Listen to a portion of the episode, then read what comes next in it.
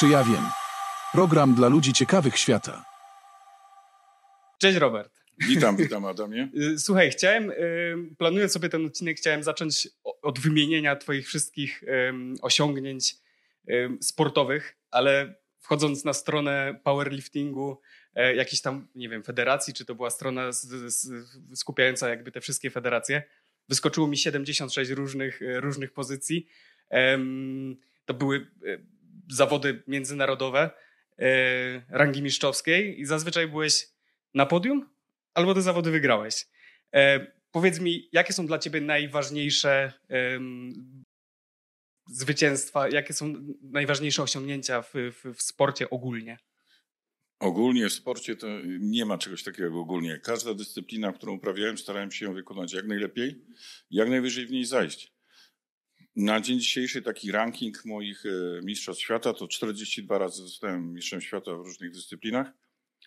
I w tym roku też są e, mistrzostwa świata w Wiedniu, drugie są na Węgrzech, w trójboju siłowym. Ja specjalizuję się teraz po tylu latach e, głównie w martwym ciągu. Przedtem startowałem w strongmanach, mass wrestlingu, armliftingu, w highlanderach. Grałem zawodowo w rugby. Troszkę tam sportów walki się liznęło. Zacząłem od pływania jako dzieciak. I tak ten sport przewija się, przewija. Wędkarstwo też. I lekarstwem na e, rozładowanie napięcia sportowego miało być wędkarstwo. Sportowe czy I zawodowe? jak się okazało, że ja od razu y, nie potrafiłem tylko y, jeździć na ryby, bo od razu zacząłem się interesować zawodami. I tak poważnie do tego podszedłem, że to moja odskocznia znowu zamieniła się w zawody i musiałem sobie powiedzieć dość, nie startuję, bo tam też chciałem wygrywać, chciałem być najlepszy. I robiłem to jak najsumienniej i przekładałem się do tego równie dobrze jak do ćwiczeń siłowych. Więc spaliłem własną odskocznię. Ja już jeżdżę na ryby, ale już nie jeżdżę na zawody i nie próbuję nawet jechać na następne, bo ja odczuwam adrenalinę rywalizacji Mhm. i chcę sobie zostawić tą furtkę na tak zwane sobotnie poranki czy niedzielne poranki, gdzie uciekam od y, wszystkiego, co mnie otacza i spędzam sobie chwilę patrząc na kaczuszki, które pływają wokół i, i tak zwany nudny spławik, który albo się zatopi, albo nie. E, W porządku, słuchaj, wrócimy na pewno jeszcze do sportu, bo tutaj mam bardzo, bardzo wiele pytań na ten temat. E, Chciałbym zacząć od podstaw. Jakim ty byłeś dzieckiem? Czy ty byłeś grzecznym dzieckiem, czy, czy, czy rozrabiaką? Ja byłem dzieckiem bardzo, bardzo upartym i bardzo dobrze pamiętam historie, które y, były na pewno bardzo trudne dla mojej mamy, czy babci, czy tam y, taty, dlatego że jeżeli mnie wywozili do babci, miałem u niej zostać, to ja odległość około 6-7 kilometrów przekraczałem nogą i z powrotem pojawiałem się pod drzwiami mamy. Uwielbiałem samodzielne wędrówki, takie zupełnie bez sensu chodzenie i zwiedzanie najbliższego świata, ale to już było to, że taki miałem w sobie straszny upor, że dzisiaj rozumiem, że jako dziecko to chyba bym sam sobie dupę trzepał paskiem, żeby wyzwolić mnie od tego uporu. Świat kolorowy na pewno pojawił mi się w książkach, dość szybko Mhm. zacząłem czytać. Y, Mama tak mnie skłoniła ku temu i te, to mi pozwoliło jakby troszkę uciekać od tej takiej szarzyzny nowochódzkiej, bo wychowałem się Mhm. w Nowej Hucie.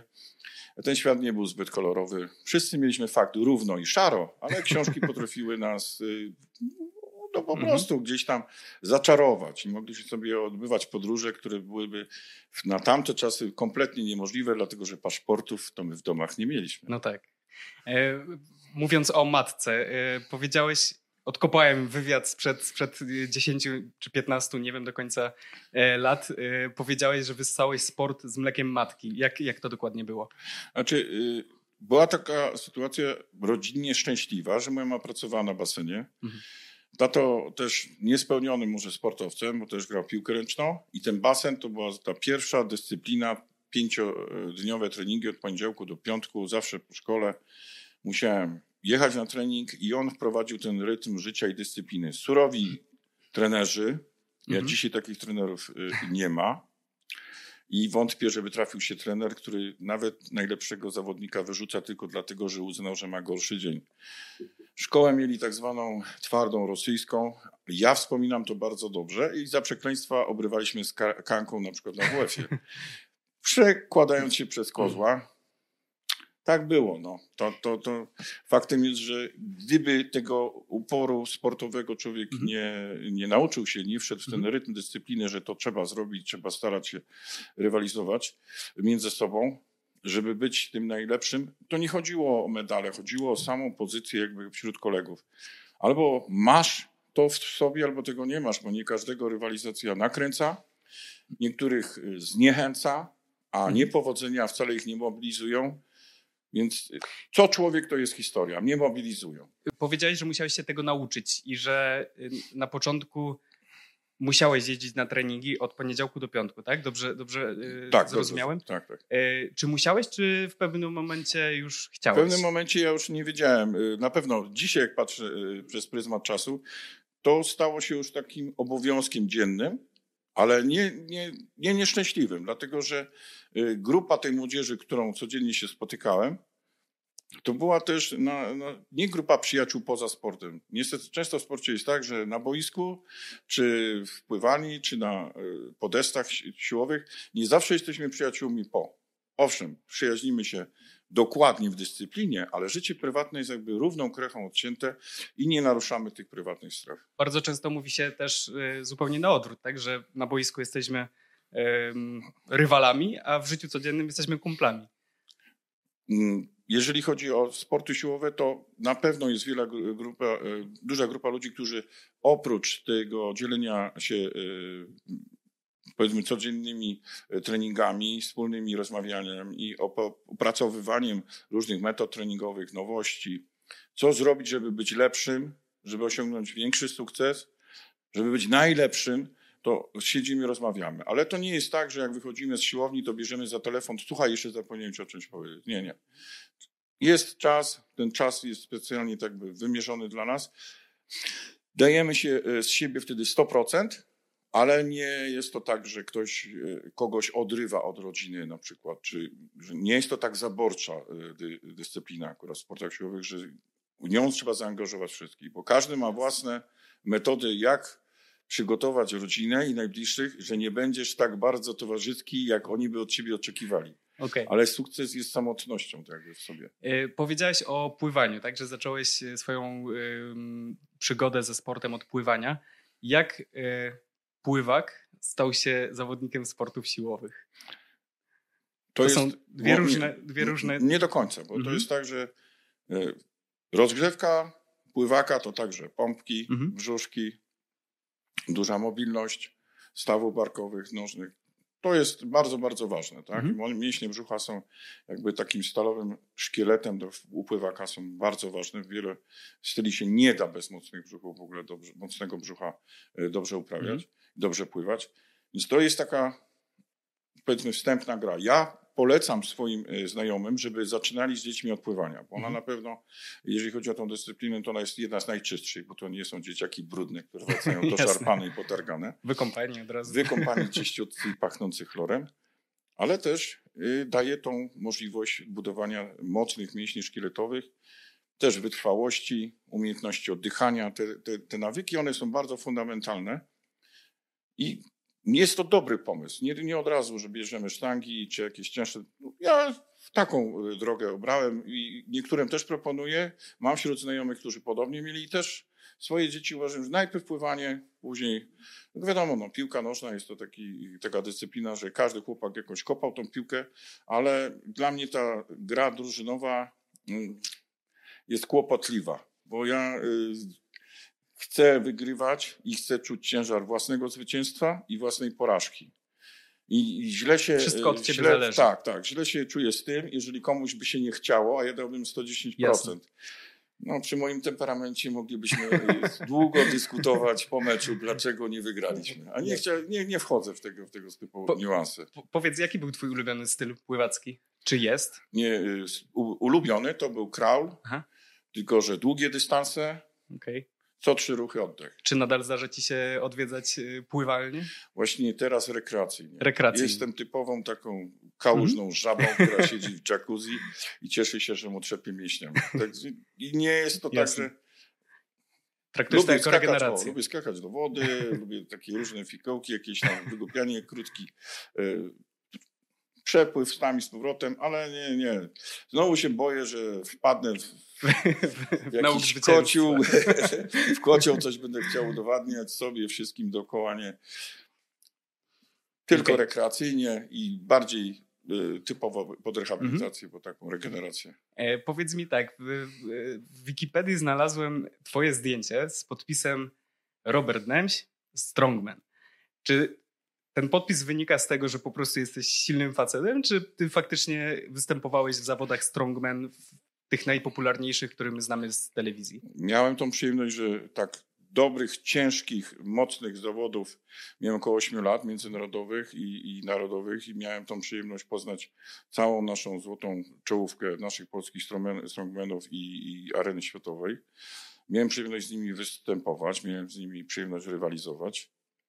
I to były czasy też, y, no przyznam też, że zarabiałem też na tym, Mhm. nie? To nie były czasy, że ktoś przyjeżdżał i dostawał y, uścisk prezesa, uścisk. Nie, to były płacone y, zawody. Dość fajnie się z tego żyło. Tam byli sponsorzy. byli sponsorzy, były nagrody za każde miejsce. No, były podróże po całym świecie, opłacane bilety, hotele, wyżywienie. To strongman zawodowy w tych czasach to była piękna przygoda. To nie oznacza, że ja na przykład zyskałem jakąś popularność miejscową czy coś, dlatego że e, ja nie celebruję żadnych wyników. Jak w niedzielę wracam z zawodów, ja w poniedziałek jestem na treningu, To, to Nie. zawsze podziwiałem u ciebie, że... nie robię z tego żadnego halo. Nie, nie robię, że idę po jakichś knajpach i wszyscy hello z pucharem, lejcie mi tu szampana, bo ja tam wróciłem. Nie. Dlatego, że po zakończeniu zawodów ja już mam plan na następne i nie czuwam potrzeby w ogóle jakiegoś wielkiego halo. Czy to nie wynika troszkę z tego, że czujesz się może trochę niedoceniony przez y, społeczność? Że... Nie, w ogóle na tym. Nie, nie, szczerze, w ogóle nie za bardzo. Yy, ja się nawet nie staram, żeby tą no, popularność yy, zdobywać. I ja też nie uważam to za jakoś, yy, żeby miało mi to przysporzyć yy, takiego, nie wiem, jak, nie wiem, czy splendoru, czy czegoś. Nie. Każdy ma swoją pracę. Jest ktoś lekarzem, no to przecież nie będę mu się kłaniał w pas tylko dlatego, że jest tylko lekarzem, a też nie oczekuję, że jeżeli ja dźwigam, to, to jest coś wyjątkowego. Wybrałem taką drogę swojej pracy i to nie jest żaden powód do tego, żebym ja miał musieć super doceniany. Fajnie jest, jak ktoś przybije piątkę, bo tam gdzieś słyszał, Robuś, zdobyłeś coś. No fajnie, było ciężko, ale to rozmawiamy zawodniczo.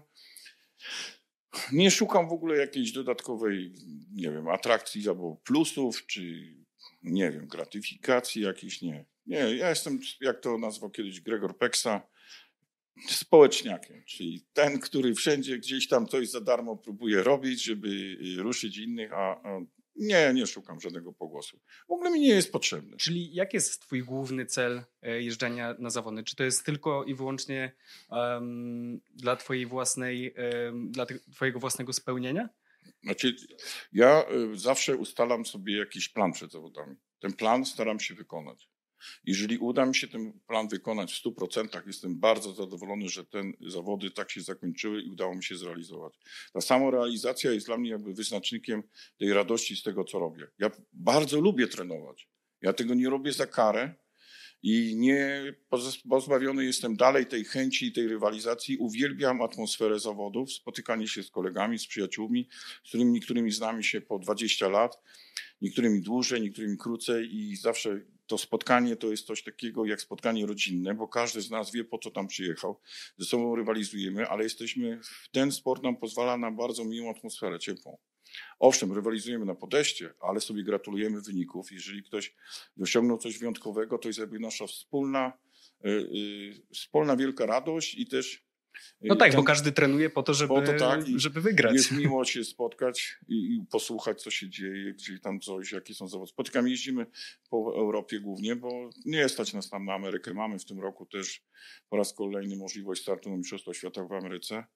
I moi zawodnicy oczywiście gotowi są na tą rywalizację, ale finansowo nie.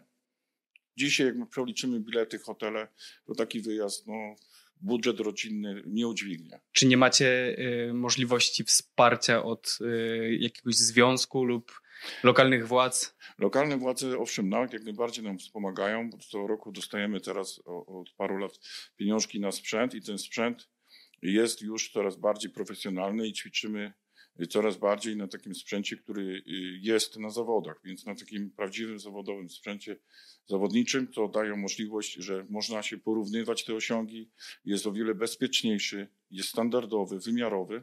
Ja nieraz y, porównuję do tego, że jeżeli ktoś myśli, że na siłowni to jest to, to nieważne, jak wygląda ten talerz, jak wygląda ta sztanga, to ja tak samo powiem, jeżeli tak uważacie, no to proszę kupić pięć rowerów po 700-900 zł i zrobić drużynę kolarską, która w nich wystartuje później Tour de Polonia, jeżeli tak można i przygotować na tym sprzęcie i uważacie, że to jest wystarczający koszt, bo są takie spory, co powinniśmy mieć, a czego nie powinniśmy mieć, albo jak to powinno wyglądać. Nie wiadomo, ja nie jestem y, człowiekiem, który by cokolwiek mówił, że są lepsze czy gorsze dyscypliny. Sukcesy w naszej dyscyplinie i naszych tu zawodników i zawodniczek z naszego regionu i z naszego klubu y, są no, najwyższe, jakie są możliwe, bo to są zawodnicy, którzy zdobywają tytuł mistrza świata, Europy, rekordy biją i tak dalej. Ale wiadomo, fundusze gmin, one nie przewidują takiego sukcesu sportowego, więc y, no nie ma takiej możliwości, żeby ufundowały przylot samolotem tam i z powrotem do Ameryki taki, bo to prawdopodobnie by no, zjadło cały fundusz na wszystkie kluby w, na całej, w całej gminie, na ten jeden y, wyjazd. Więc ja tu nawet nie, nikomu o takich rzeczach nie chcę y, mówić, że po prostu to nie jest dlatego, że jest niechęć, tylko nie ma skąd tych pieniążków naprawdę pozyskać. To jest duża pomoc, że mamy pieniądze na sprzęt i wielką radością i tak by tym całym y, złotem tego wszystkiego to jest ta podhalańska młodzież, która chce walczyć, umie, jest genetycznie, ja przyznam, że to są takie rodzynki, że zadziwiają cały świat. Ja mam taką radość i przyjemność ich trenować. Wiesz, ja jeszcze ci na pewno będę o to pytał. E, ja chcę na, na sekundkę wrócić do tego, co mówiłeś wcześniej. Wygrywasz zawody, nie wierzę, że nie masz takiego momentu nawet celebracji tak, tak prywatnie w domu. Nie. Nie masz y, ani jednego takiego momentu, że, że sobie, nie wiem, zjesz coś innego niż zwykle, że nie. masz taki stały moment, który... Nie mam. Nie ma czegoś takiego. Nie, wow. mam. nie mam takiego czegoś. Moment jest w tym momencie, kiedy ja tą sztangę podnoszę. Okay. To jest dla ciebie celebracja. To jest taki moment, w którym ja się czuję jak, nie wiem, jak y, y, jak wiking na polu chwały, kiedy wyrżnął całe pole. I to chyba podobna euforia jest. Martwię się, że to brzmi trochę agresywnie, ale kiedy udaje mi się przełamać tą, tą, tą, tą moją fizyczność i osiągam ten wynik, który, o którym mi się e, bardzo marzyło i bardzo chciałem osiągnąć, to trwa bardzo chwilę, bo my wracamy już z zawodów, to często już nie omawiamy zawodów. Okej, okay, tylko planujecie kolejne Już kolejne, kolejne bo to już było godzinę temu. Jasne, jasne. To jest trudne dla niektórych ludzi, dlatego że może to wynika z ilości tych zawodów w ciągu roku Aha. i ilości zawodów w ciągu życia. Wiesz, to jest kwestia też, wydaje mi się, e, takiej motywacji. Niektórzy mhm. ludzie potrzebują takiego elementu celebracji po to, żeby się zmotywować do właśnie kolejnych treningów. I podziwiam cię, że ty, ty nie potrzebujesz czegoś takiego, przychodzisz na drugi no dzień na Dla trening. mnie to jest tak, jakbym y, widział schody w takiej wieży, powiedzmy, latarni morskiej i ja cały czas chciałbym na nią wyjść, ale jestem w połowie. Na mimo, że lecą lata, to ja dalej Rozumiem. nie jestem, jeszcze nie jestem tym latarnikiem, który by mhm. świecił na cały świat, decydował i wy, wyznaczał jakieś pułapy. Okej, okay. po, powiedz mi, od ilu lat trenujesz sporty siłowe ogólnie? No teraz to 30 lat. Okej. Okay. E, wiesz, słyszałem o takich badaniach, e, które mówiły o tym, że ludzie, którzy trenują siłowo, za młodu i przez, przez e, dalsze życie e, są, mają dużo lepsze zdrowie na jakby końcówkę, końcówkę życia. Czy ty coś takiego znasz, jak, jak, jak jak to wygląda w praktyce, wygląda tak? W praktyce, Aha, tak, dokładnie. Właśnie, bo ja spotykam się z szanownymi, tak mówię, moimi kolegami, którzy mają na przykład jak pan Januka, 74 lata, dalej startuje na zawodach. Pan Józef Wygrowicz, pozdrawiam jak najbardziej, też 74 lata. Ryszard Śliwiński, 73 lata. Czyli pan, widzisz to w praktyce, tak? Właśnie. Pan Stefan Stochański, 74 lata. Wow. Najstarszego zawodnika, jakiego mm. miałem okazję przy, e, oglądać, był zawodnik z Niemiec, który miał 90 lat. Ja. A w zeszłym roku na Mistrzostwach Europy mm -hmm nie, przepraszam, na Mistrzostwach Świata Najsilniejszym przelicznikowo zawodnikiem został zawodnik z Izraela, ważący 65 kg, podniósł w martwym ciągu 165, mając 86 lat. To nie jest y, głupie, bezznaczące i, i nijakie, nieobwarowane odpowiednimi technikami i przepisami dźwiganie to nie jest to tak, że jest to turniej, kto podniesie głaz, mm -hmm. który jest na środku łąki. Brałem udział w takich zawodach też jako strongman. Mm -hmm. Albo kto więcej razy przerzuci oponę, kto szybciej przeciągnie tira. To jest związane z strongmanem, ale trójbój siłowy... To ma być jest, show, tak? To jest show, to mm -hmm. jest mhm. rozmowa z publicznością, rzucanie koszulkami.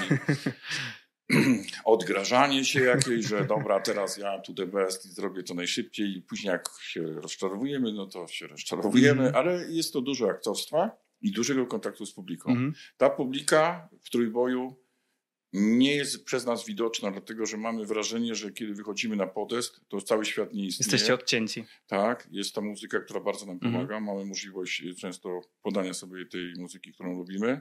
Jest głośno, widzimy sędziów i tylko nasze serce bije mocniej, szybciej i w głowie staramy się zrobić to najlepiej, jak możemy. Czy to są jakieś techniki odcinania się od tej rzeczywistości? Czy, Każdy czy to ma prostu... swoją technikę. Mhm. Y, moja jest troszkę oparta na takiej y, szybkiej izolacji od reszty. Czyli nie pomaga mi rozmowa z obcymi ludźmi, w ogóle z kimkolwiek, kontakt. Potrzebuję 2-3 minuty na to, żeby odejść na bok, porozmawiać z samym sobą, głośno się nakręcić. Jest to, przypomina takie mocne, siedzi we mnie w niedźwiedź, mam ochotę ryknąć, dosłownie nieraz ryknę, ale wszyscy, którzy mnie znają, wiedzą, że ja tego potrzebuję po prostu i wychodzę, wychodzę jak na bitwę. Albo i albo sztanga. Okej, okay, czy, czy tą technikę um, gdzieś widziałeś wcześniej, czy ty nie, ją wypracowałeś nie. Ja sam sobie, z sobą? sam sobie odkryć, co jest dla mnie y, y, potrzebne i co jest dla mnie najkorzystniejsze. Bo powstrzymywanie emocji okazało się niedobre. Że jeżeli siedziałem stłumiony, pozwalałem sobie na łomot serca i dopadał mnie stres takiego jakby pogubienia się, to nie, to, to nie było to.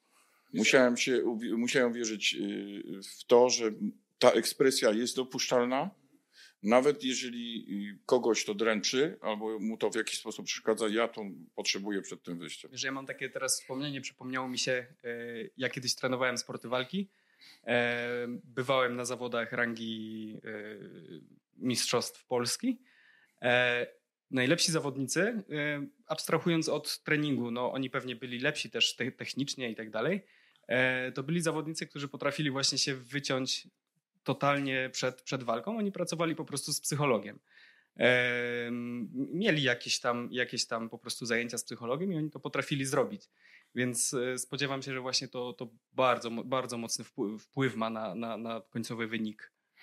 Oczywiście, bo stres to jest pojęcie, które albo niszczy i wypala i odejmuje siłę i wiarę w siebie, mhm. bo jeżeli jest długotrwały, jest niekorzystny, to jak rozmawiamy, to często mówimy o tak zwanych, nie chciałem teraz naruszyć takiego dręczącego tematu, to osoby, które nigdy nie startowały, dyskutują z ludźmi, którzy biorą udział w zawodach, jak to jest i czemu mu nie wyszło i co się stało, jak na treningach było tak świetnie. Jeżeli ktoś nie spał trzy dni, bo tak bardzo mu zależy i nie mógł przyjąć nawet śniadania, nie zszedł, nie zjadł tej jecznicy, którą ja codziennie jadł kilka posiłków ze smakiem. Została zaburzona jakaś tam rutyna, która... I ten stres y, jest, objawia się bólem brzucha i brakiem łaknienia i tylko myśleniem o tym, o tym, co ma teraz zrobić. To znaczy, że bardzo tej osobie też zależy na tych zawodach, ale potrafi być bardzo niszczące. Mhm. Teraz tak to przekuć, żeby na siłę, czasami rozmawiam, zjedz chociaż nie wiem co. Nie odejdziesz, dopóki nie zjesz. Mhm. Twój organizm wykorzysta tą energię. Jeżeli to odpuścisz, Tyle czasu się przygotowywaliśmy i teraz robisz krok do tyłu. Na samym momencie, kiedy poddanie zostaniesz egzaminowi tego, czego wypracowaliśmy. Mhm. Teraz robisz coś, to jest nie, nie, nie to, o co walczyłeś. Zrób to do końca, tak jak trzeba. Jasne. Powiedz mi, gdzie, gdzie leży granica między sportem wyczynowym a sportem amatorskim? Czy to właśnie jest gdzieś w głowie? Nie, niekoniecznie. Sport amatorski no, mamy taką formułę proste. To znaczy, to jest osoba, która pracuje zarobkowo na utrzymanie własne plus uprawianie dyscypliny. Zawodowy określa się, że źródło bardziej, dochodów... chodzi mi, bardziej chodzi mi o podejście, o, o, załóżmy jest zawodnik, który ma aspiracje do tego, żeby zostać y, zawodowcem. E, jednemu to się uda, drugiemu to się nie uda. Samodyscyplina mhm. wystarcza. Samodyscyplina bardzo wyznacza tutaj. Której ty się nauczyłeś? Y, e, I uczę też moich podopiecznych, żeby nie było y, takiego stania w miejscu i gdy nie znają odpowiedzi na to, co będzie za pół roku, za rok, dwa. Dla wszystkich jest to dla nas oczywiście jakaś niewiadoma, ale pro, programujemy sobie start na cały rok, czyli wiemy, gdzie będziemy w listopadzie, gdzie będziemy w październiku, we wrześniu, w czerwcu, w lipcu. Cały rok mamy do przodu. Te federacje dbają o to, żebyśmy mogli sobie to wszystko zaprogramować, żebyśmy mogli sobie zaprogramować wydarzenia rodzinne też, które nie zawsze oczywiście będą, y, będziemy brać udział, skoro wyjeżdżamy. Teraz trzeba sobie ustawić, co jest dla nas y, ważniejsze. Czy 6 miesięcy ciężkiej pracy i wyjazd na zawody i umiejętność powiedzenia na przykład młodemu chłopaku, chłopakowi, który musi powiedzieć swoim kolegom, słuchajcie, nie będę na te 18, bo ja jadę na, y, na zawody. A ty no, byłeś miesiąc temu, ale to są zawody, na które cały czas czekałem. A słuchajcie, nie zapraszajcie go, bo on tak nie będzie, a jak przyjdzie, to nie będzie pił, a jak nie będzie pił, to po co w ogóle przyjdzie i czasami jest to odrzucenie i młody człowiek to musi sobie z tym bardzo poradzić. Czy jest w stanie wziąć na plecy bagaż odmienności od reszty. Tak, y, to nie, nie jest łatwe na pewno. no dla, nie dla- dlatego, dla że to są ważne wydarzenia Mhm. tak? dla młodego człowieka, czyli zakochanie się, osiemnastki, wybór szkół, które też są, chodzenie do szkoły, często jest umniejszanie, że jest to czas zabawy i wielkiej e, jakby luzu i najpiękniejszego, swobodnego czasu. Dzisiejsza szkoła i oczekiwania młodzieży tak są wysokie, że stawiają sobie też wysoko poprzeczkę jako uczniowie. Jeżeli są dojrzali w tym, co robią, to mają już plan na siebie, ale w tych planach czasami y, całe otoczenie nagle widzi, ale nie ma miejsca dla nas. Czyli nie ma miejsca dla przyjaciół, nie ma miejsca dla rodziny, nie ma miejsca dla uroczystości. Jest cały czas dużo młodych ludzi nie wytrzymuje tego tempa, bo tu mamy Mistrzostwa Polski, Europy, świata, świata, Puchar Świata. Te poprzeczki są wysoko. Jeżeli ktoś by chciał zrezygnować sobie dla samego zrezygnowania, to musi wiedzieć, że już robi kroki do tyłu. Czy zauważyłeś też e, presję rodziców w tym wszystkim? Y, Czy raczej to są decyzje. Presja rodziców często bywa odwrotna. Dlatego, że mają poczucie, że ich dziecko y, tak bardzo y, się zaangażowało w swój rozwój fizyczny i, i umysłowy często, że nie jest dzieckiem jakby w ich mniemaniu, że brakuje im tej dziecinności, beztroski, o którą y, oni by chcieliby mu zapewnić, tak? Czyli żeby się nie musiał o to wszystko martwić. Ale dojrzewanie takie emocjonalne to nie jest y, jakaś określona cyfra, czy to jest 14 czy 18, bo mamy niedojrzałych 30-latków i dojrzałych 18-latków, więc życie to zupełnie nasz y, kowal czegoś, co, co z nas wykuje, to trzeba też wiedzieć, że nie tylko, bo dzisiaj mówi się, że otoczenie wychowuje młodzież. Że to jest jakieś systemowe, y, to takie parcie na, na niechęć, na, no, nie chciałbym używać słowa, że taką. y, No dzisiaj taką lenistwo, ogólnie w różny sposób rozumiane, tak? Że, ale przede wszystkim nieruchomość, że dzisiaj świat wirtualny ma największe znaczenie dla młodzieży, a ja odpowiadam wszystkim oczywiście, że tak, bo ich spotkania w świecie wirtualnym mają takie same zaangażowanie emocjonalne jak nasze na trzepaku. One nie jest wcale gorsze. One nie jest inne, one jest identyczne, one kosztują ich tyle samo emocji, płaczu, łez, rozczarowań, bólu, różnych rzeczy. I to, że ze sobą tam się piszą, spotykają wirtualnie, to są ich emocjonalne burze i one nie są gorsze od naszych. One są po prostu dla nas trudniej zrozumiałe. E, Robert, czy ty trenujesz codziennie? Trenuję systemem poniedziałek, wtorek, środa sprzątanie siłowni, czwartek, piątek. I to tak cztery dni to jest najmniej jak w życiu trenuję, przyznam szczerze. Najmniej jak do najmniej, tej pory. tak, Okej. tak. To jest taki najbardziej luźny system, jaki e, towarzyszy mi. Przedtem było dużo, dużo mocniej. A jaki był najdłuższy okres bez treningu, nie wliczając oczywiście kontuzji, chorób? Hmm, to jest bardzo trudne pytanie, bo Ja pytam dlatego, ja pytam nie dlatego z, zastanawiam się, czy miałeś taki moment, e, że chciałeś tym po prostu rzucić, że, że, że, że cię po prostu nie chciało, chciałeś zacząć zająć się czymś innym, wędkarstwem może. e, nie, jeżeli chodzi o sam sport, ja nie miałem żadnych przerw. Mhm. Nie miałeś po prostu żadnych... Nie, nawet jeżeli Mhm. zajmowałem się czymś innym, to te zajęcia fizyczne, czyli chodzi o, o, ruchowość i tak dalej, one mi jest niezbędne do równowagi psychicznej, że tak Aha. nazwę to mocnymi słowami, ale muszę się wypalać energetycznie, nawet ciężko pracując, to potrzebne mi jest to. Jest to potrzebne, bo to jest jakby część mnie i zdaję sobie sprawę z tej fizyczności.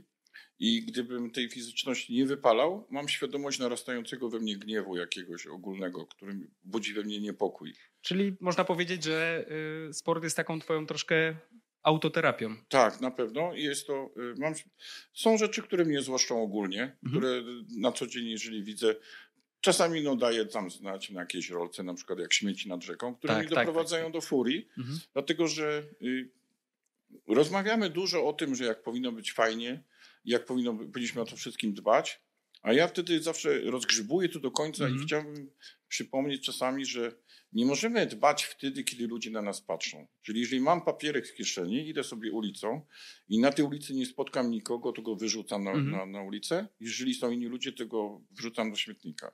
Jeżeli w sobie nie wypracujemy tą moralność, taką etykę zwykłego zachowania, że nie dlatego, że na mnie patrzą, to tego nie robię, bo jak nie będą patrzeć, to będę to robił, to znaczy, że nie dorośliśmy Mhm. do problemu.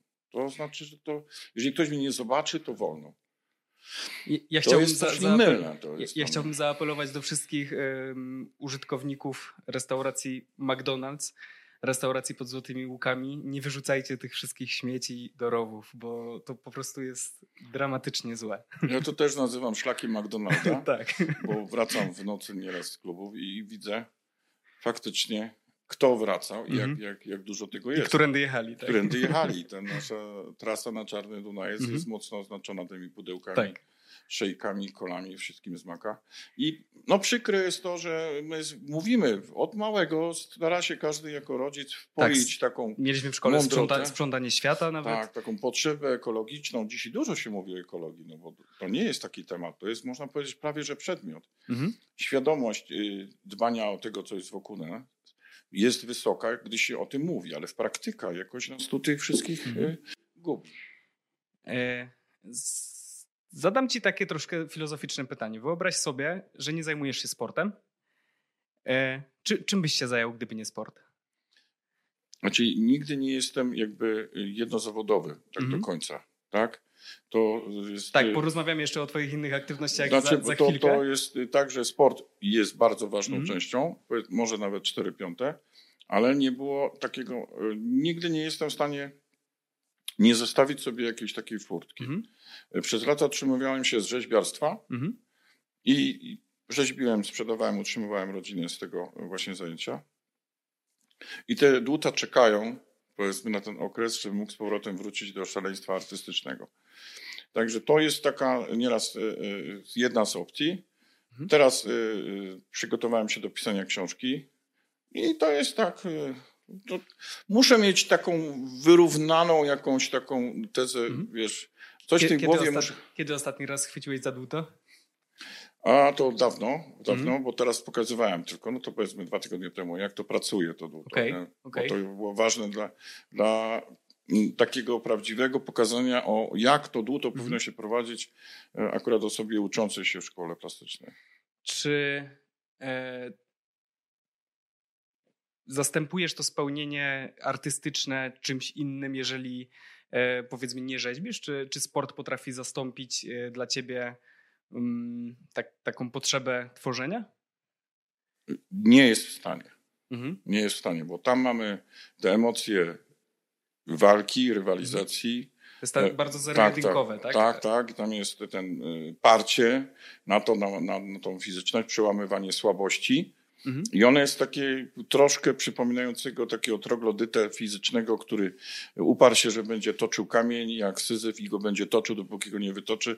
A te dyscypliny trochę tak przypominają, czyli wychodzimy bardzo wysoko, trafia się jakaś kontuzja, coś tam schodzimy nisko i pachamy y, w górę. I jestem takim syzyfem sportowym, który za każdym razem wstaje i znowu pcha tą kulę, żeby ją tam wyciągnąć na ten szczyt. Ale bez y, wyszalenia, e, takiego szaleństwa intelektualnego, takiego dosłownie, żeby się wyszaleć, to nie potrafiłbym też tego Mhm. tak do końca życia prowadzić. Potrzebuję artystycznego wyzwania, czy ono jest słowne, y, czy powiedzmy kinowe, teatralne, właśnie te stand-uperskie, to ja potrzebuję tego kontaktu. Prowadzę też imprezy jako konferencję Tak. i jest mi miło, kiedy mam kontakt z ludźmi. Mhm. Później wsiadam w samochód i uciekam od nich.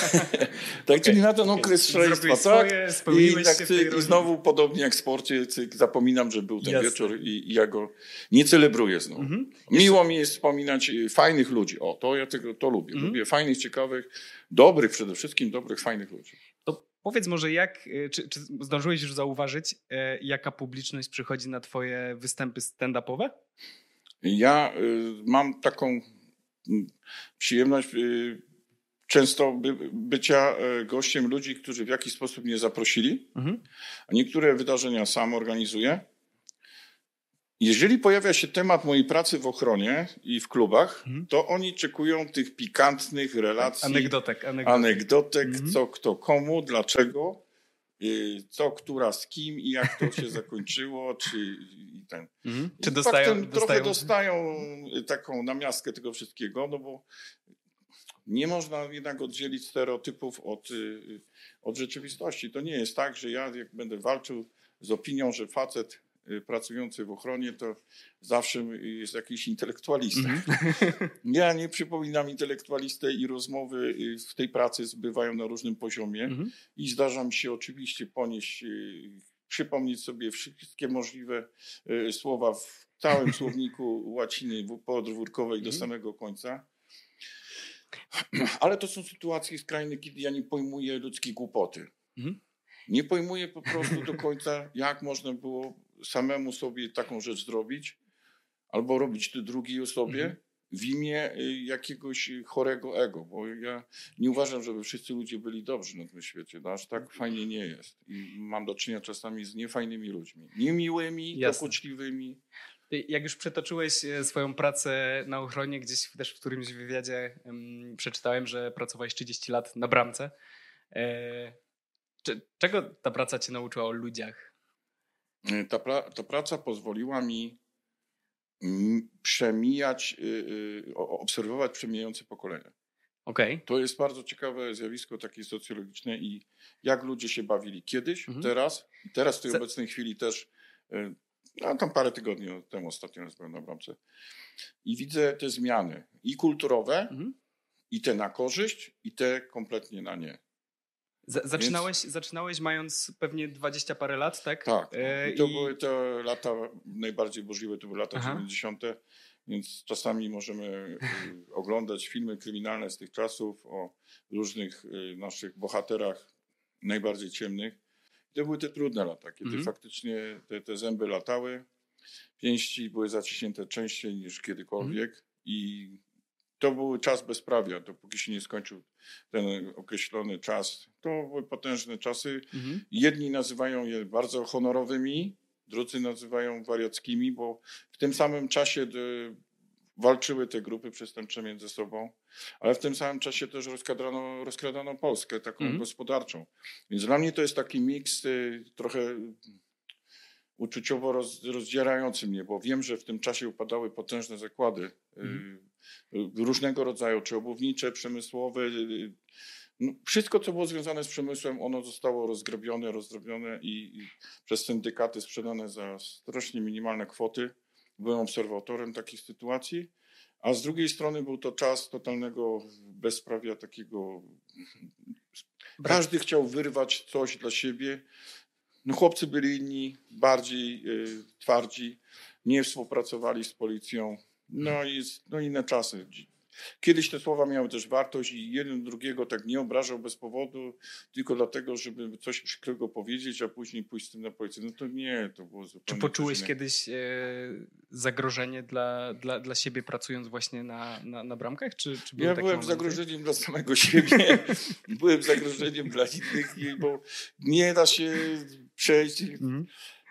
To Była- tak samo to, to, to, słuchaj, no to nie, no jak ktoś zabije, zaciska pięści i bije cię w łeb, no to musi się liczyć z tym, że ja zacisnę i też Mhm. oddam. I to były, nie robię z tego żadnego jakiegoś tam halo i nie wybieram się.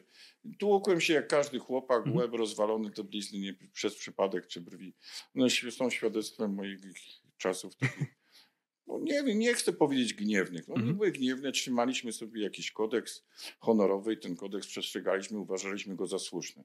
Dzisiaj na pewno był po- postrzegany, że jesteśmy bandą Mhm. idiotów, którzy się biją pałami po głowach w imię jakiejś tam pilnowania jakiegoś lokalu. No z punktu widzenia czasu, no to nie było najmądrzejsze, Mhm. ale jeżeli chciałeś jakoś żyć godnie, to nie mogłeś znaleźć zatrudnienia w dobrych zakładach, bo tych zakładów już Nie prawie nie, było. było. No, Mhm. One się dopiero tworzą, te dzisiejsze kapitały to są mm, tak naprawdę drugie, trzecie pokolenie, które kontynuuje y, to, co się wtedy Mhm. udało zbudować. Czy e, po- potrafisz porównać w, e, w kilku krótkich zdaniach e, młodzież, która przychodziła do klubu w latach 90., a która przychodzi dzisiaj?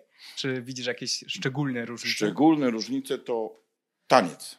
Taniec, wow. O, właśnie, taniec. Taniec jest... Wiesz, y, nagrywamy, możesz zaprezentować. Nie, Też ja dobrym tancerzem nie jestem, chociaż pewno mam mniemanie czasami, jak mi się wydaje, że dobrze. Ale Nam wszystkim się kiedy- czasami no, wydaje, że- nam się wydaje, że jesteśmy królami parkietu, tak. Ja też potrafię zrobić wjazd na kolanach pod sukienkę. Y, Także to dobywają chwilę fantazji, tak. Taniec był odmienny o tyle, że tańczono w parach i bardzo starano się, żeby ten taniec był taki, no można powiedzieć, z bogatą choreografią obrotową. Dzisiaj młodzież y, generalnie jakby jest to bardziej podskakiwanie typu y, jak skakanka y, z dodatkowym mocnym wykrzyczaniem tekstów. Nie? Czy to nie bierze się z tego, że muzyka się tak bardzo zmieniła? Muzyka zmieniła się bardzo, oczywiście, że tak, tylko że w latach 90. było mocne techno Mhm. I to techno I mocne techno było tańczone w parach, tak? też się zdarzało wtedy właśnie, ale pojawiły się wtedy białe rękawiczki, gwizdki. No. i tak zwani pigularze. To, to, to był taki nagle wywrót. I od Mhm. tych, ja miałem czas obserwować, kiedy tańczono w parach, Mhm. Sherry, Sherry Lady i nagle była, było Prodigy. Tak? I, I wtedy była totalna e, Mhm. następna epoka. Tak? I, i to, to, to było bardzo mocno. Ale przy tym wszystkim tak się mi pojawiała godzina między 12, nawet w naszym tu powiedzmy Awrze czy Dragonie, do, do pierwszej godziny blok wolny tak zwany muzyka dla par, że mogli się wreszcie po całej nocy kicania wokół siebie do siebie przytulić. Dzisiaj bloków wolnych nie ma. Jazda, jazda od początku do samego końca. No więc jest to inaczej, ale przyznam, że mniej jakby fantazyjnie i skromniejsza jest ta choreografia. Czasami trafiają się pojedyncze egzemplarze, którzy są zawieszeni totalnie w swoim świecie i nie widzą, że otaczający tu ich tłum Mhm. jakiś też chciałby mieć skrawek miejsca oprócz Aha. tego, którego on tych na siłę chce wywrzeć. Nie? E, Robert, powiedz mi, zejdźmy na troszeczkę inny temat. Jak doszło do tego, że zainteresowałeś się aktorstwem i to jeszcze takim aktorstwem teatralnym? Znaczy, aktor, aktor. aktor to, aktorstwo to jest takie słowo, które ja zawsze y, miałem wrażenie, że dotyczy osób niesłychanie, Mhm. przede wszystkim y, elokwentnych, Mhm. erudytów, osoby o bardzo bogatej kulturze osobistej, plastycznych, plastycznych, jeżeli chodzi mi, ale z drugiej strony kompletnie wyzwolonych. Jasne. Ja mia- chciałem się też trochę z tym zderzyć, jakby, jak to będzie wyglądało w tej praktyce. Miałem t- taką, no, no tam powiedzmy kilka razy miałem udział w różnych filmach w takiej produkcji, którą nie mogę powiedzieć za, za ambitną, bo Aha. jeżeli w filmie potrzebna jest tak zwana setka, czyli opowieść głównego bohatera, co przed chwilą nasi widzowie Tak. oglądali i on im tłumaczy, co oni przed chwilą widzieli i później następnie ma akcja przez 15 minut i ja znowu Mhm. mówię przed, y, do mikrofonu, przed kamerą, co oni przed chwilą widzieli i co ja przed chwilą myślałem i co oni powinni myśleć, bo co było w mojej głowie, no to wiadomo, że to jest Mówisz, upokarzające. mówisz o paradokumentach, tak? Może coś powiedzmy to rodzaju, prosto. tutaj. Tak, no Mhm. i wiesz, no to jest ta sytuacja, kiedy dla mnie osobiście jest to upokarzające jako widza, Mhm. że ktoś mi musi tłumaczyć, Co ja co tam za chwilę przed chwilą zaszło. Tak? Jasne. Nie ma żadnych niedopowiedzeń. Nie ma to, to muszą, musi być jasne Mhm. na kawę i brałem udział w takich filmach. Jaka była najdziwniejsza postać, którą zagrałeś? No, wiesz co, postać, która mnie prześladuje, bo do tej pory y, ona gdzieś tam wraca jakoś cyklicznie w telewizji, to jest pokre y, Janusza Złota Rączka. Janusz Złota Rączka był uwodzicielem dojrzałych kobiet, wrócił z Niemiec i naciągał je na kasę. I za tą kasę się upijał, więc to była taka sytuacja dla mnie. Nie, Sytuacja z życia wzięta. Janusza, tak, tak, złota rączka, uwodziciel starszych pań samotnych, naprawiając im różne drobne rzeczy, w tym filmie akurat kran. I przepijał pieniądze, które je naciągnął. No, najbardziej paskudna propozycja, Aha. jaka padła, i o, wiadomo, że odmówiłem, to była propozycja zagrania taksówkarza Zbyszka, pedofila, którego zabijają w drugim odcinku. Nie mogłem Ale uwierzyć, dwa odcinki, to już tak, że w drugim odcinku miałem zginąć. Osobiście uważałem, że to dobrze. Ale nie przyjąłem tej roli, nie mogłem y, w ogóle przełknąć, jak padła taka propozycja, y, bo i zastanawiałem się, kto podejmie się tej roli. Pani, y, moja pani Robercie, ale pan jest na taki tutaj wysoką cenę tą artystyczną. Pan dobrze to zagra. Ja, proszę panią, ja nie chcę dobrze grać pedofila. Pani dobrze nie zrozumie. To nie jest fajna przygoda zagrać taksówkarza Zbyszka pedofila. Bo ja pracuję z dziećmi. Pani, ja mieszkam w małej miejscowości. Tak. Po sytuacji, kiedy grałem Janusza Hydraulika, połowa moich znajomych spytała się, od kiedy mam firmę w Krakowie, więc ja... Naprawdę ludzie brali to na poważnie, tak? Tak, tak. Jak Wow. grałem, zagrałem rolę w szpitalu też, Aha. no, tam w 19 plus, w różnym szpitalu. Aha. Rozmowa z moim y, znajomym, też naszym wspólnym Mhm. znajomym. Jak to jest w tym szpitalu? Jak to, się, jak to się tam dzieje? Nie? Bo tam mówi, tak są takie akcje. Ja mówię, proszę pana, to nie jest prawdziwy szpital. Wow. Jak nie jest prawdziwy szpital? Że tam są lekarze, tam są łóżka. Przecież widziałem. Dzisiaj tam, tam, tam ludzie, tam recepcja jest wszystko. Proszę pana, to jest sztuczny twór, zamknięty w kwadratowym obiekcie, Mhm. który jest pół na pół ze szkołą. To ja tego więcej nie oglądam. Dopiero ty musiałeś mu uświadomić, że to jest To nie jest prawdziwy szpital i to nie są Ja. prawdziwe wypadki? Wie, no wie pan co?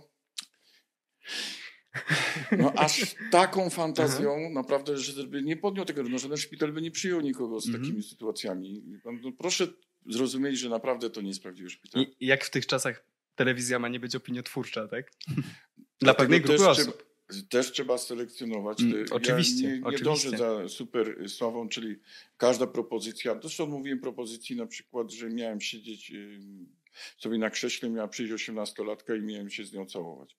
Ja stwierdziłem, czy spytałem się pani reżyser, czy jest to niezbędna scena w, Mhm. w ogóle w tej całej mojej roli, bo dość, że jest, jest to w ogóle trudne dla mnie w jakiejkolwiek formie komukolwiek opowiadać o takich rzeczy. Ja nie mam Jasne. zamiaru tego grać w ogóle. Mhm. To jest w ogóle dla mnie na miejscu. Poza tym my jesteśmy wszyscy tutaj amatorami. Mhm. Te seriale oparte są na totalnej amator- amatorszczyźnie.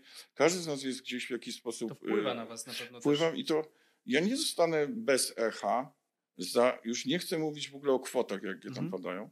Wracać do domu i było 10 klapsów, czy myśmy się fajnie całowali. Mhm. Ja proszę, to nie wchodzę. Mhm. Proszę uszanować e, moje decyzje. Też nie jestem osobą totalnie anonimową, żebym Mhm. ja sobie przyjął taką rolę. I ja, przecież pani wie, że te nasze przygody tutaj, te kinowe i te filmowe, to one nie są żadną drogą do sławy. oczywiście. To jest taki epizodzik, żeby zobaczyć, jak to się dzieje Mhm. od środka. Nikt Zaspokoić dla- dla- ciekawość. Tak, nikt tego zawodowo prawdopodobnie nie robi, bo tak jak powiedziałeś Nie, o tych nie. stawkach, to chyba ciężko byłoby z tego wyżyć po prostu. Na pewno nie. Na Mhm, pewno na nie. pewno nie. I to trzeba wiedzieć, że to nie jest droga do niczego. To Mhm. nie jest taki, nie jest to żaden punkt zwrotny. Aha, patrz, kurde, Robert zagrał, on tam idzie po bandzie, zaraz Mhm. będzie. Za to Oscara nie dostaniesz. Y, Robert, zagrałeś dosyć em, zaskakującą, może nie, zagrałeś postać Romea w sztuce e, Szukając Romea. Kto ciebie wymyślił do tej roli? Jak, jak to się w ogóle stało, że To nie jest tak, nie, nie, to tak nie działa? tak to nie działa. Pomysł był, jest to praca i, i wiadomo, kilka osób na to miało tą, tą, tą Mhm. całość taką. Ja byłem też, przez to, że zagrałem w tej roli, to byłem też jakąś formą takiej y, jakby natchnienia też wszystkich twórców. Okej. To była praca y, magisterska, jako praca taka uczyniona do, na koniec tego studiów. Okej. I ona została przerobiona na sztukę teatralną, teatralną prawdziwą. Więc na prawdziwe deski, sceny i, i to, to miało jak- miejsce. I potrzebne było w tej roli siedmiu. Mhm. Każdy z nas był z innej bajki, a to jest jak o siedmiu krasnoludkach, nie dwunastu, a ja byłem tym osiłkiem. Czyli bardzo mało słów, Mhm. a muskulatura gestykulacja i pani e, reżyser od początku mnie bawiła, która mówiła, żeby Robert, ty jak najmniej graj. Ty jak najmniej graj. Mhm. Ty nie, nie, ty, Robert, ty jesteś tak straszny w tym wszystkim, co robisz, że ty nie graj. Mhm. Bo jak ty do nich podchodzisz i ty jeszcze coś powiesz, to oni naprawdę się boją. Mhm. To nie, nie, minim, minimalizuj. Gesty, patrz i te twoje patrzenie, wierz mi, wystarcza. Więc ja zostałem... Fajnie była ta przygoda. Tak muszę szczerze powiedzieć, że potraktowany zostałem na początku jako osoba, która prawdopodobnie nic oprócz mięśni nie ma. Dopiero w No, trakcie... stereotypy. No tak, stereotypy i wszyscy aktorzy wokół, którzy byli też studentami e, tam AST, mówili do mnie wolno, wyraźnie i, i starali się jakby rozgryźć moją osobowość do końca, ale nie, jakby nie przyłożyli się do tematu, też nic o mnie nie wiedzieli Mhm. wcześniej. Dopiero jak e, wychodziło z rozmowy, że ja mam większe doświadczenie aktorskie od nich, że ilość tych Mhm. filmach grałem Mhm. więcej w tych, tych wszystkich epizodach, dopiero wtedy no, jakby to się e, otworzyło troszkę. Ale dla mnie to była przygoda też bardzo e, e, znacząca, Mhm. bardzo pouczająca, dlatego że mm, ja na co dzień, powiedzmy, w naszych miejscowościach tutaj wśród swoich znajomych sportowców, o ludziach o innej troszkę wrażliwości, takiej e, właśnie, powiedzmy, związaną z literaturą Mhm. i, i kulturowej, i artystycznej, mamy mało do czynienia. Oni też często są w jakiś sposób sami jako indywidualiści, czasami są izolowani z jakiegoś powodu, z małych wiosek wyjeżdżają e, do, do miasta i oni żyją w tym świecie, którym bardzo, bardzo im zależy na sukcesie. Bardzo im zależy na sukcesie. Mhm. Ja y, te przemiany widziałem też na scenie. To, I ta przemiana mnie czasami przerażała. Bo kiedy były próby, wszyscy byliśmy dopracowani co do kroku, to trzeba wszystko wyliczyć. Co do sekundy się odzywasz, śpiewasz, przechodzisz, Mhm. tańczysz, nie tańczysz. Właśnie tańczenie było najbardziej e, tutaj Jednak. z mojej strony e, szałem, ponieważ cała publika się śmiała, bo jak wszyscy szli w prawo, jak się okazywał, zapominałem, nie robiłem tego celowego, szło w lewo. Więc te moje podrugiwanie budziło w nich śmiech, każdy Mhm. wiedział, że to, oni to odebrali jako, dosłownie jako taki humor, humorzasty, jakiś taki komediowy akcent w tym. I nauczyli mnie też tego, że przy tym, co ja e, też e, wniosłem e, ze sobą, ta moja odmienność jest dla nich też inna, też jest jakoś rażąca. Bo gdy rozmawialiśmy na przykład o, o właśnie o jedzeniu mięsa, o takich rzeczach, które teraz młodzież Mhm. bardzo często rozmawia, jakie jest moje podejście, to ja im powiedziałem, że jakbyśmy wylądowali do ich wszystkich na bezludnej wyspie, to ja bym ich zjadł wszystkich po kolei i zja- zjadł najpierw tych najgrubszych, bo Mhm. tam najszybciej mięso by się No zepsuło. nie? No i spytaliśmy czemu poważnie. Ja mówię, że jak najbardziej, bo siła przetrwania to jest bardzo ważna rzecz i ja myślę, że musielibyśmy zacząć w ten sposób też. Ja nie miałbym zamiaru was nie zjeść. Okej. Okej, I to- zburzyli się niesamowicie, że jak jako człowiek, jako, jak ja mogę w ogóle myśleć w kategoriach zjedzenia drugiego człowieka, jeżeli chodzi o przetrwanie. Ja mówię, no chyba nie myślicie, że chwycilibyśmy się wszyscy y, za ręce i płakali. No przecież ludzie, no ja was rozumiem, że jest wrażliwość. To dobrze się czułość. sprzedałeś na samym początku. No, ale to w trakcie to wychodziły takie niuanse, nie? I, i, no, bardzo uzdolnieni ludzie, muzycznie. Y, wspaniała pamięć tekstowa, um, języki obce. To są bardzo ciężkie szkoły. Mhm. Oni są bardzo plastyczni w tym wszystkim. Czy to byli profesjonalni aktorzy? Niektórzy ludzie, tak, którzy się uczyli? Tak, no, tak i uczyli Aha. się na aktorów. To właśnie- I, to, I gdy rozmawialiśmy, później przychodziły te momenty, w których ja nie do końca y, mogłem z nimi się połączyć jakby w tej chęci zaistnienia artystycznego. Kiedy mówili o swoich marzeniach, to, to marzenie było jakby dla tego faceta by zostanie bratem Pittem polskiej sceny, tak? Jakieś pani chciałaby zostać super rozpoznawalną aktorką, która będzie płynęła ulicami Warszawy i wokół niej będzie ten glamour, błysk i, i blask fleszy wszystkich zainteresowanych, że właśnie idzie. I ja nie bardzo rozumiałem, czy kto obiecał im w tym wszystkim, że ich ta droga, którą oni przechodzą tak trudno, ona się tym wszystkim zakończy. Dlatego, że jak widzimy, to ci aktorzy, którzy są bardzo dla nas rozpoznawalni i stanowią trzon jakby polskiego kina, nieważne czy romantycznego, czy związanego z jakąś konkretną, y, wiesz, stacją, to jest grupa ludzi często niewykształconych. Niezwiązanych nigdy z, w żaden sposób z żadnym kinem, są samoukami i trafiają, bo ponieważ ta charyzma ich życiowa i jakieś y, różnego rodzaju niuanse spowodowały, że oni zabłyśli i osiągnęli ten sukces w tej przestrzeni, na którą oni są rozgoryczeni, bo oni są przygotowani, mówi, muzycznie, artystycznie, wspaniała dykcja, umiejętności i nagle nikt nie czer chce czerpać y, garściami z, z, ich, jako ich, jako ich wartość. To, to, to, rozgoryczenie mnie trochę przerażało, bo nie wiedziałem, y, w jakim kierunku chcą iść dalej. A to, to jest przykre. To jest, bo ja wiem, że kończą studia i chcą, chcą coś bardzo ambitnego i, i co powiedzieli ważnego. Robert, my podczas studiów graliśmy kilka sztuk rocznie. To był y, faktem, że przed y, publiką studencką albo na małych scenach, ale myśmy non-stop byli w akcji. Kończymy studia i się nic z nami nie dzieje. My nie chcemy grać w paradokumentach. Powiedz mi, czy ta przygoda z teatrem, y, czy ona głównie wpłynęła na to, że zacząłeś myśleć o tym, żeby występować przed ludźmi jako stand-uper? Nie. Y, nie Bo jedno z drugim, wbrew pozorom, bardzo, bardzo się łączy. Tu bardzo się łączy? Nie, nie. To mhm. nie to. Wiesz to, że tak powiem, Adamie, to przyczyniło się to, że pracuję jako konferencjer i organizuję te imprezy sportowe z publiką. I na tych imprezach sportowych mam Y, taką gdzieś czasami niepohamowaną złośliwość sytuacyjną.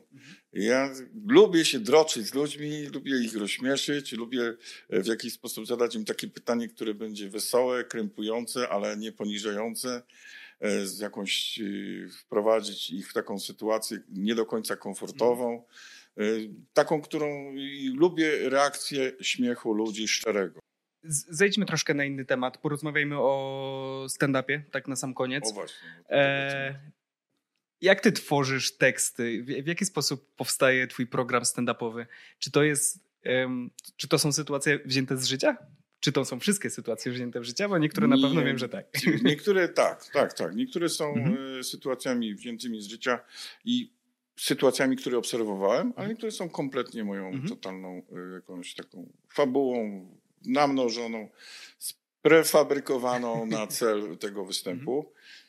I staram się nie powtarzać tych, tych, tych tekstów, w odmienności od moich reszty kolegów, którzy pilnują programów rocznych albo tworzą je przez 2-3 lata przez występy, mhm. wycinając, szlifując, doklejając, wycinając, szlifując, doklejając. Czy ty tak, ty tak nie ja działasz, tak? nie działam. Nie, nie. Ja, dla, dla mnie jest to za nudne, szczerze. Czyli twój każdy występ jest inny? Y jeżeli zmieniałbym, jeżeli miał być w tym samym miejscu, to każdy byłby inny. Wow. Nie robię tego po prostu. Mhm. Y, czasami mój są bisy, to są jakieś mhm. określone, ludzie wiedzą, co tam mam zabisować i tam rozmawiamy wcześniej, albo na prośbę organizatora, mhm. jest tam taka, taka fraza, potrzebuję to usłyszeć, chcę to usłyszeć na Po to ci ludzie zobaczyć. to przeszli.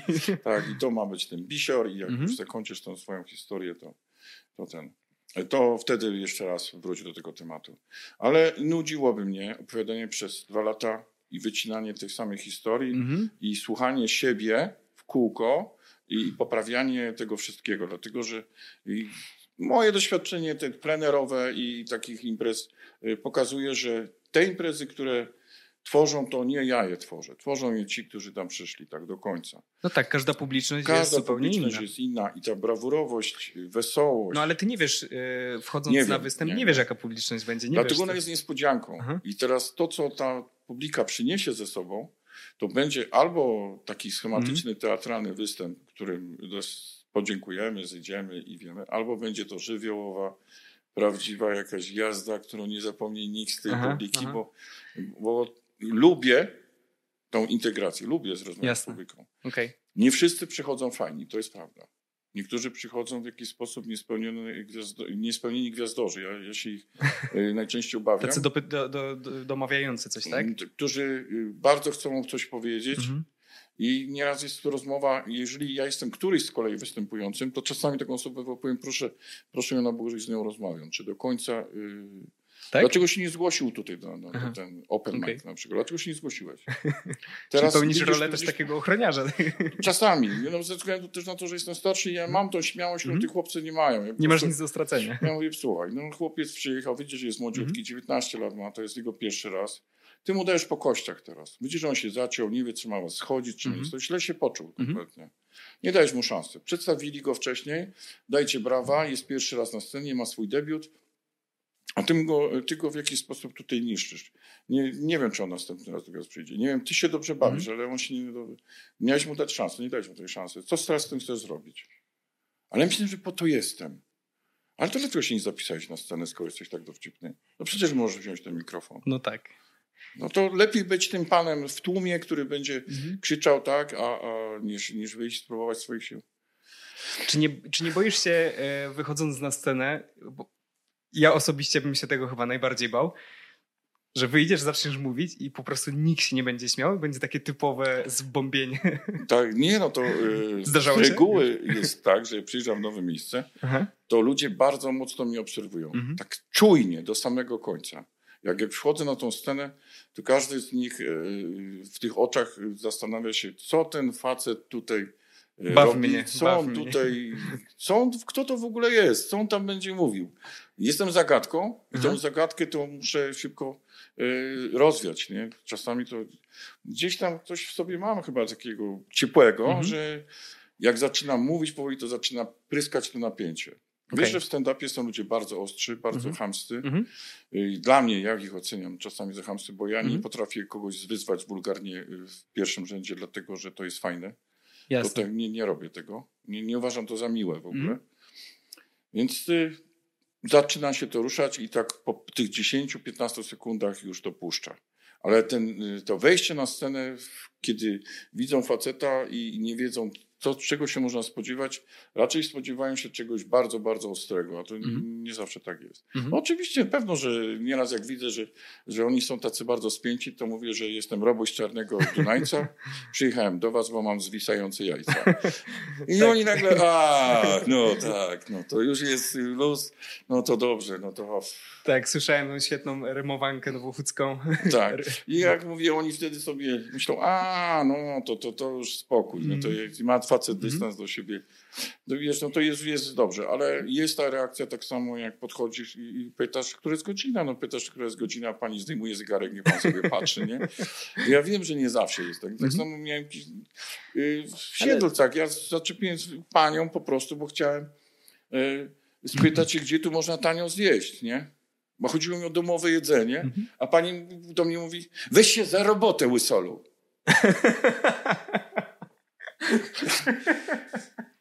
No, no tak, no, no, no dziękuję pani. To nie, no to stwierdziła to, że zaczepiają jakiś, Mhm. że chcą naciągnąć, może siatkę wyrwać. Oceniła książkę, książkę Tak, ja mówię, a ja naprawdę szczekam, lubię domową Mhm. kuchnię, poluję na takie domowe jedzenie w takiej mini. Robert, bardzo Ci dziękuję za, za, za dzisiejszą rozmowę. E, chciałem Cię zapytać jeszcze tak na szybko, jakie masz najbliższe plany? Czy można Cię gdzieś zobaczyć na którejś ze scen w najbliższym czasie? Jest plan na czerwiec, czeka na potwierdzenie terminu Mhm. pod Krakowem. Bardzo ładna impreza. Restauracja Winnica, zobaczymy co z tego wyjdzie. Mieliśmy już tam e, przyjemność. Trzy razy występuję, po około 200 osób przychodzi i Wow. naprawdę świetna atmosfera. To jest taka ludzie. poważna publiczność. Poważna publiczność z bardzo niepoważnymi tekstami. Mhm. Najbliższe plany Mistrzostwa Europy, czerwiec. To jest. Trzymamy kciuki. Będę walczył, będę starał się jak najlepszej strony promować nasze podhale. Jasne, dziękuję Ci bardzo i do, do usłyszenia, do zobaczenia. Dziękuję Adamie. Piąteczka, przybijmy no głośno. Tak jest. Kłaniam się.